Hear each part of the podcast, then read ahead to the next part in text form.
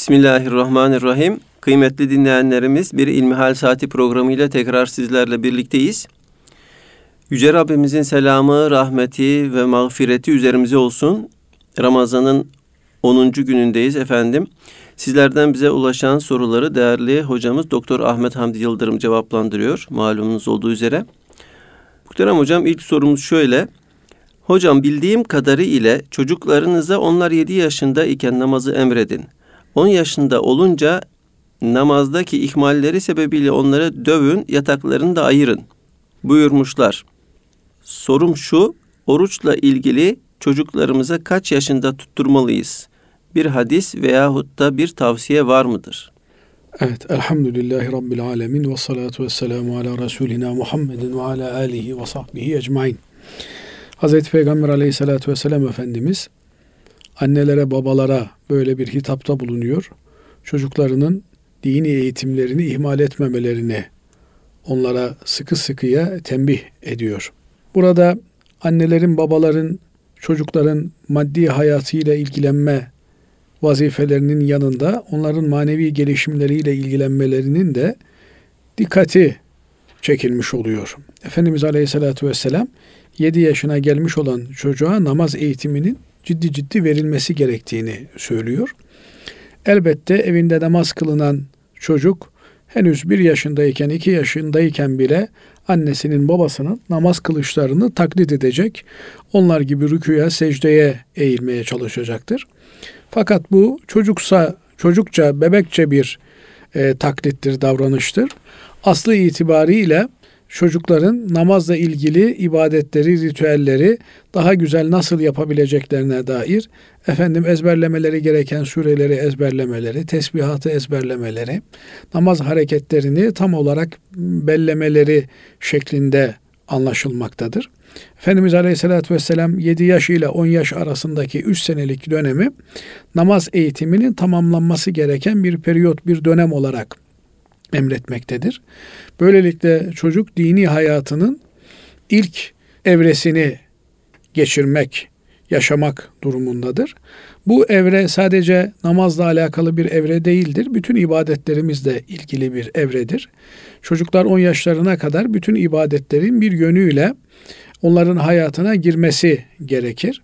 Ama ibadet denildiğinde asıl olan namaz olduğu için Efendimiz Aleyhisselatü Vesselam namaza vurgu yapmaktadır. Namazın önemini dikkatlerimize arz etmektedir. Nitekim namaz günde beş defa icra ettiğimiz bir ibadettir. Ama oruç gibi sair ibadetlerimiz ise bunlar senede bir defa karşımıza çıkan ibadetlerdir. Gerçi oruç ibadeti senede bir ay 30 gün olarak e, ve 30 gününde tamamı olarak ifa ettiğimiz, yerine getirdiğimiz bir ibadettir. Dolayısıyla 7 yaşı ile 10 yaş arasında çocuklarımızı oruca alıştırmamız gerekmektedir. Oruca alıştırmak denilirken elbette oruç ibadetinin namaz ibadetinden biraz daha farklı bir yönü var. Açlık ve susuzlukla yerine getirilen bir ibadet olduğu için çocuklarımızın bünyelerinin de buna mutahammil olması gerekir. Onun için birden e, belki tam gün oruç tutturmak e, sıkıntı olabilir diye bizim Anadolu medeniyetimizin ifadesi tekne orucu şeklinde bir ifadedir. Bu ya öğleye kadar çocuğun oruç tutması ya da öğleden sonra akşama kadar oruç tutması şeklinde gerçekleşmektedir ki günün belli müddetin müddetinde belli aşamalarında tahammül edebileceği bir e, noktayı belirlemek suretiyle onun oruca alıştırılması teşvik edilmektedir. Ama 10 yaşına doğru geldiğinde çocuğun ciddi ciddi tam gün oruç tutmaya alıştırılması gerekir. Tabi çocuk değil büyük bile olsa eğer bünye oruç tutmaya mutahammil değilse ya çok aşırı zayıflıktan olabilir veya işte hastalıklardan mütevellit olabilir. Efendim çocuklarda da bugün görülüyor diyabet hastası olabilir. Sık sık yemesi gereken özel bir durum olabilir. Bu çocukları kastetmiyoruz elbette. Elbette kastımız burada oruç tutabilecek olan çocuklardır.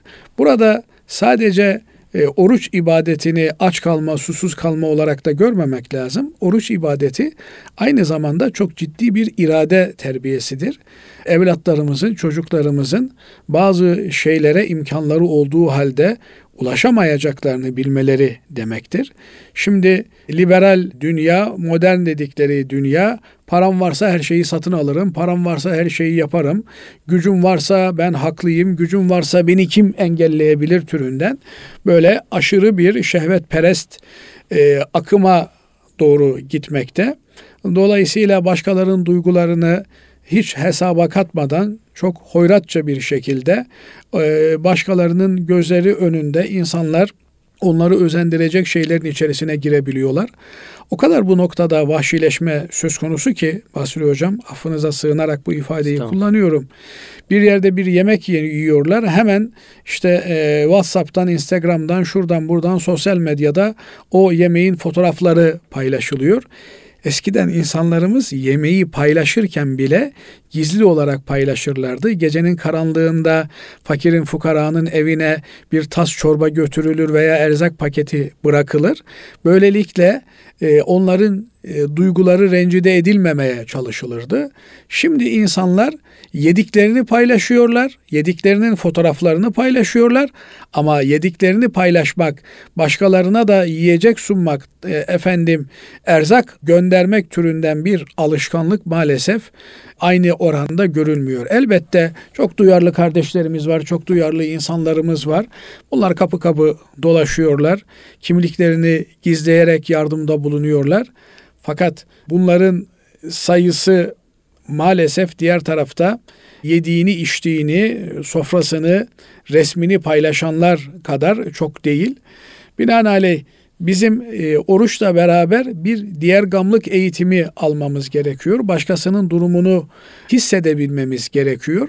Bunu hissedebilmemiz için de onların evlerine ziyaretlerde bulunmamız, onların iftar sofralarına iftariyeliklerimizle, erzak paketlerimizle katılmamız gerekiyor. Onları bizim e, hanelerimize davet edip fakir fukara beraber iftar yapmamız gerekiyor ve çocukların da bu atmosferi, bu sevinci yaşaması gerekiyor.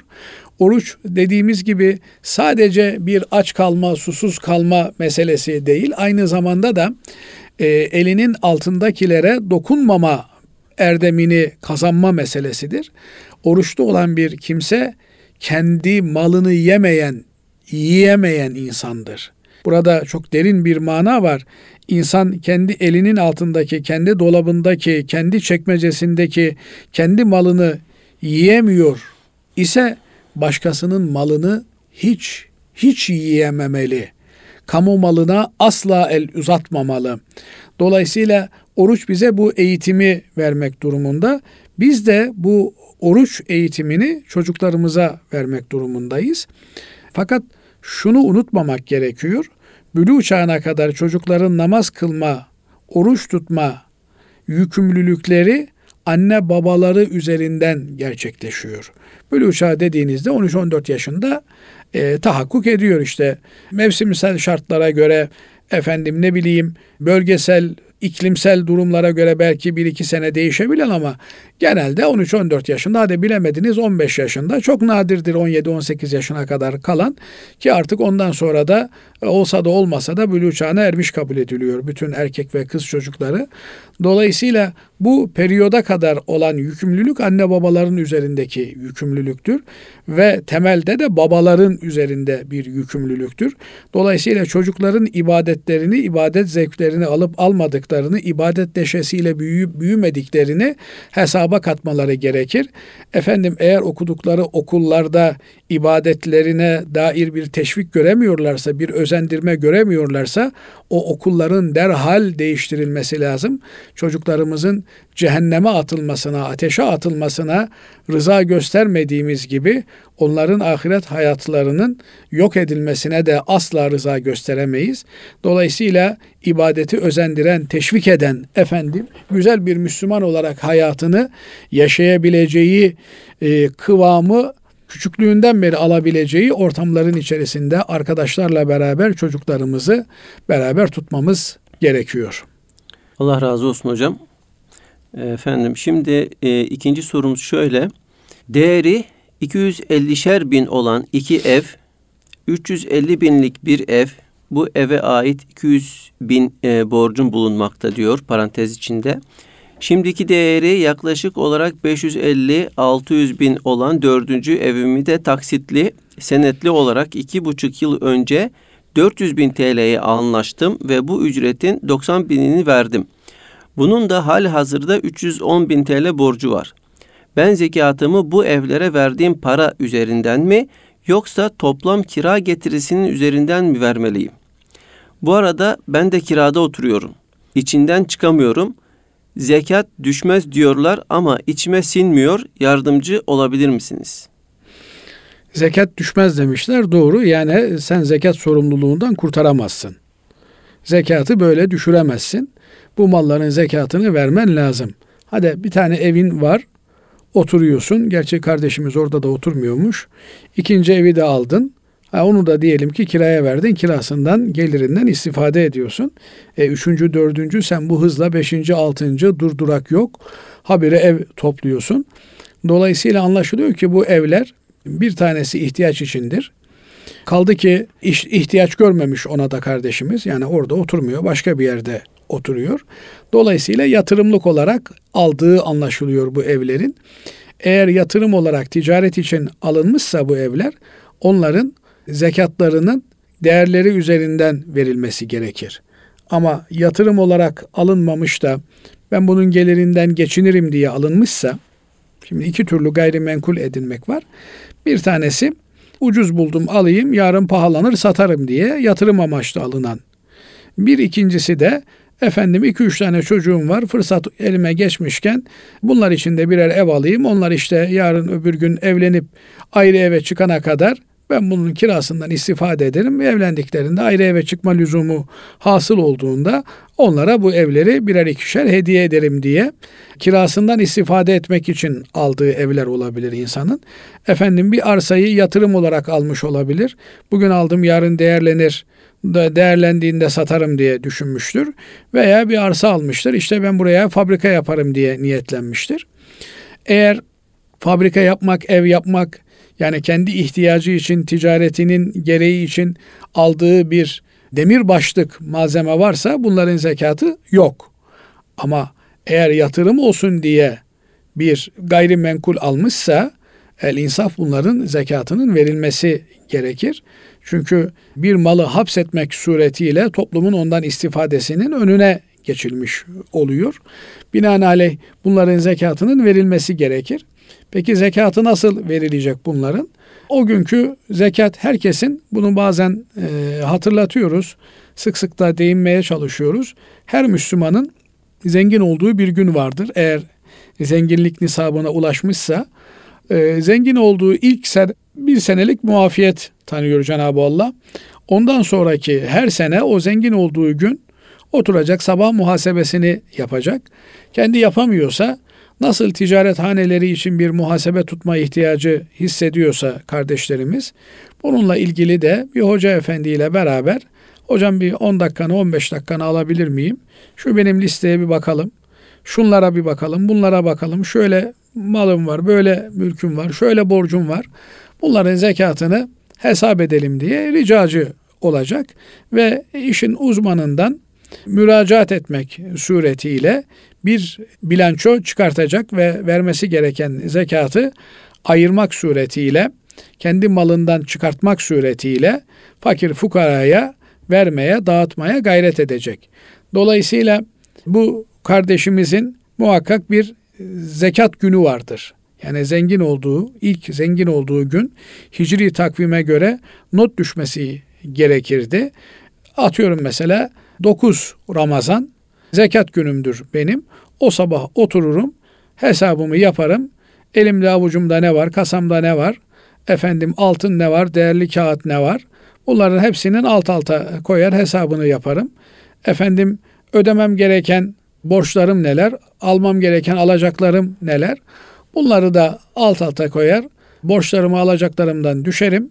Dolayısıyla geriye kalan e, meblağında kırkta birini zekat olarak ayırırım.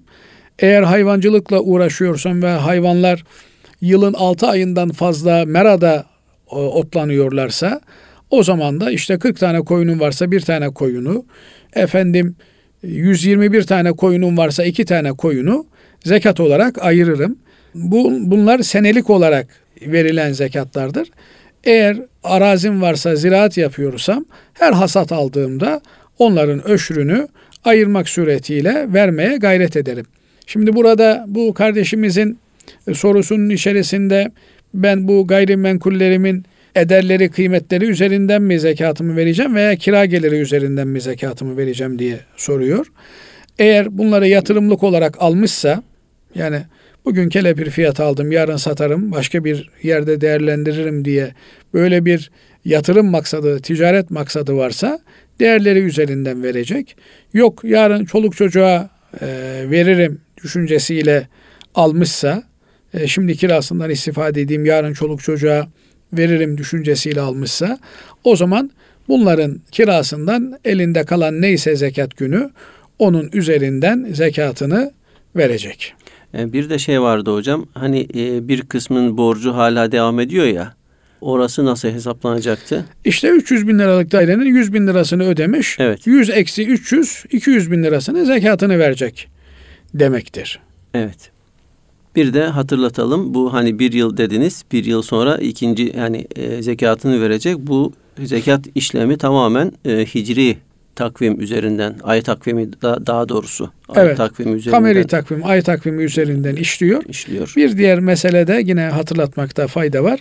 Zekat kardan değil, servetten ödenir. Evet evet Yani yatırımsal servetten, değer getiren servetten ödenir.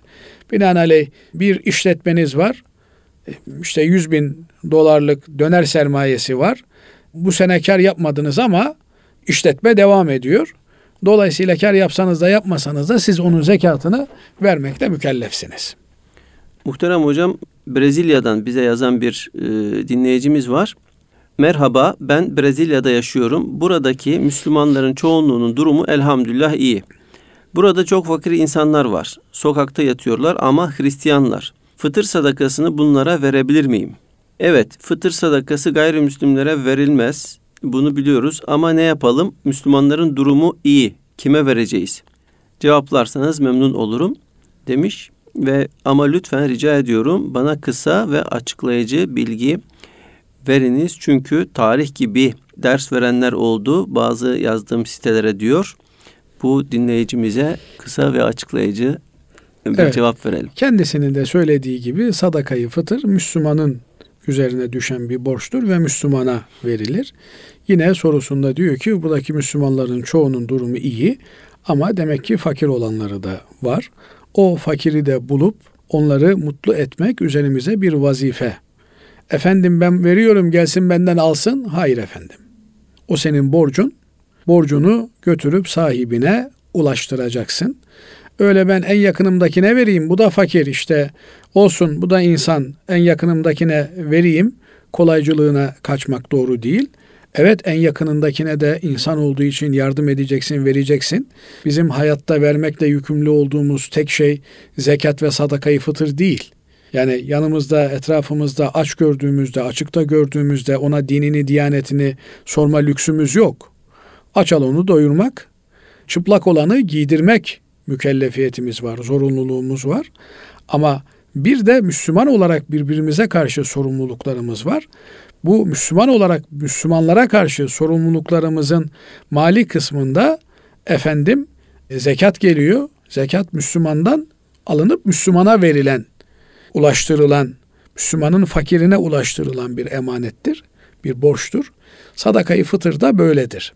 Dolayısıyla insanlık ailesi olarak birbirimize karşı vazifelerimiz her yönüyle kim aç bırakın bir insanı çok affedersiniz bir merkebi bile aç gördüğümüzde doyurmakla mükellefiz.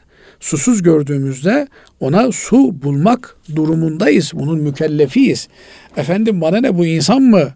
Ee, ölürse ölsün, bağırırsa bağırsın, inlerse inlesin deme e, lüksümüz yok.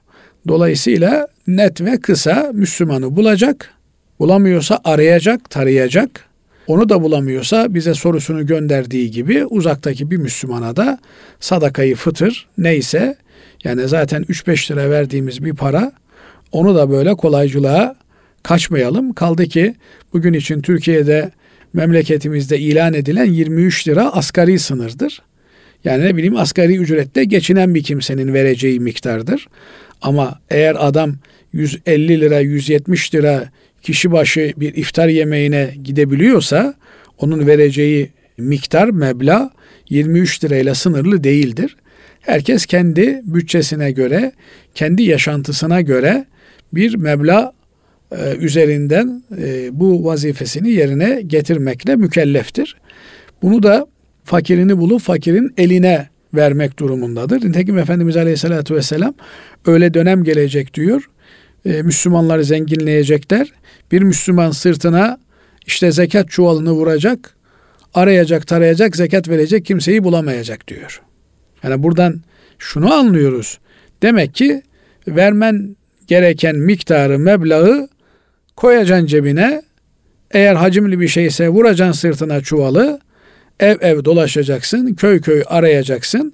Ona kim layık ise, sahibi kimse ona vermeye çalışacaksın.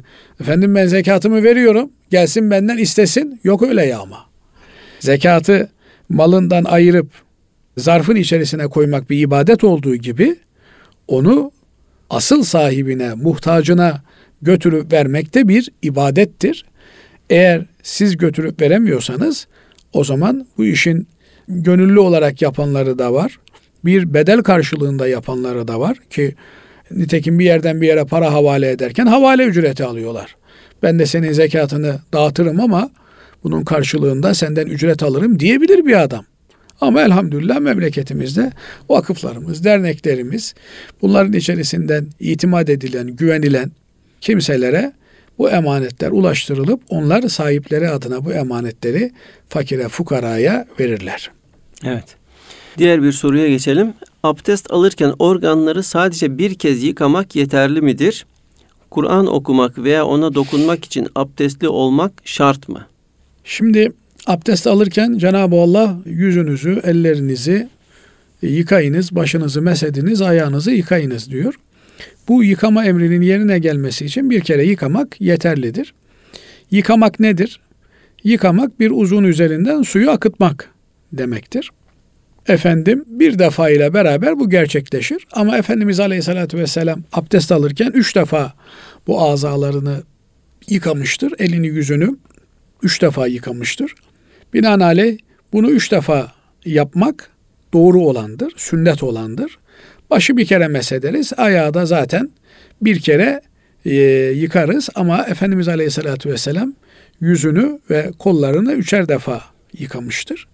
Binaenaleyh Efendimiz Aleyhisselatü Vesselam'ın aldığı gibi abdesti alırız. Fakat bir yerde su yoksa efendim bir işte bir e, yarım litre suyla abdest almak durumundaysak o zaman elbette asgari seviyede yıkarız. Elimizi yıkarız, ağzımıza, burnumuza birer kere su veririz, yüzümüzü bir kere, kollarımızı bir kere yıkarız, başımızı mesederiz, ayaklarımızı yıkar, böylelikle abdestimizi tamamlarız.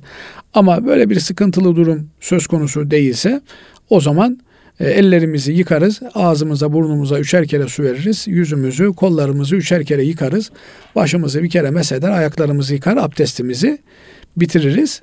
Bir başka e, noktası daha vardı kardeşimizin. Kur'an okurken, Kur'an okurken ve evet. Kur'an'a tutarken abdestli olmak gerekiyor mu? Abdest biliyorsunuz bir küçük bir de büyük abdest olmak Evet. üzere ikiye ayrılıyor. Büyük abdest ihtilam dediğimiz, cünüplük dediğimiz veya kadınların muayyen günlerinden temizlenmek için almaları gereken abdesttir. Eğer büyük abdesti gerektiren bir durum söz konusu ise yani e, cünüpse bir kimse veya bir bayan adetli bir gününde ise Kur'an-ı Kerim'e bu vaziyette tutamaz. Tutması caiz olmaz. Çünkü Kur'an-ı Kerim la yemessuhu ilel mutahharun diyor. Kur'an-ı Kerim'e ancak temiz olanlar tutabilirler diyor. E, hadis-i şeriflerde de Efendimiz Aleyhisselatü Vesselam'ın Kur'an'ın temiz kimse tarafından tutulması gerektiğini ifade eden sözleri var. Binaenaleyh Kur'an'a tutacak olan kimsenin abdestli olması hem büyük hem küçük abdestinin olması gerekiyor. Ama Kur'an okuyacak olan kimsenin büyük abdestinin olması yeterli. Büyük abdesti olan bir kimse Yani dokunmadan okuyacaksa yani ezberinden. dokunmadan ezberinden okuyacaksa Evet. e, bu kimse abdest yani küçük abdesti olmadan da Kur'an-ı Kerim'i okuyabilir. Fakat eğer cünüpse veya adetli ise Kur'an-ı Kerim'i okuyamaz. E, Kur'an-ı Kerim'den parçalar okuyabilir mi? Yani ayet teşkil etmeyecek, kıraat sayılmayacak parçalar okuyabilir mi? Okuyabilir. Bunu da şu açıdan e, söylüyorlar. Bir hoca hanım eğer Kur'an-ı Kerim öğreticisi ise e, talebelerinin Kur'an dinlerken onların kelime kelime yanlışlarını düzeltebilir ama kendisi okuyamaz. Burada çoğu kere yanlış anlaşılan bir durum söz konusu. O da okumanın ne olduğu meselesi. Okumak nedir? Okumak sesli bir şekilde yapılan bir eylemdir. Ağız hareketleriyle harflerin mahreçten çıkartılması suretiyle yapılan bir eylemdir ve kişinin en az kendi duyabileceği kadar bir sesle yaptığına okumak denir.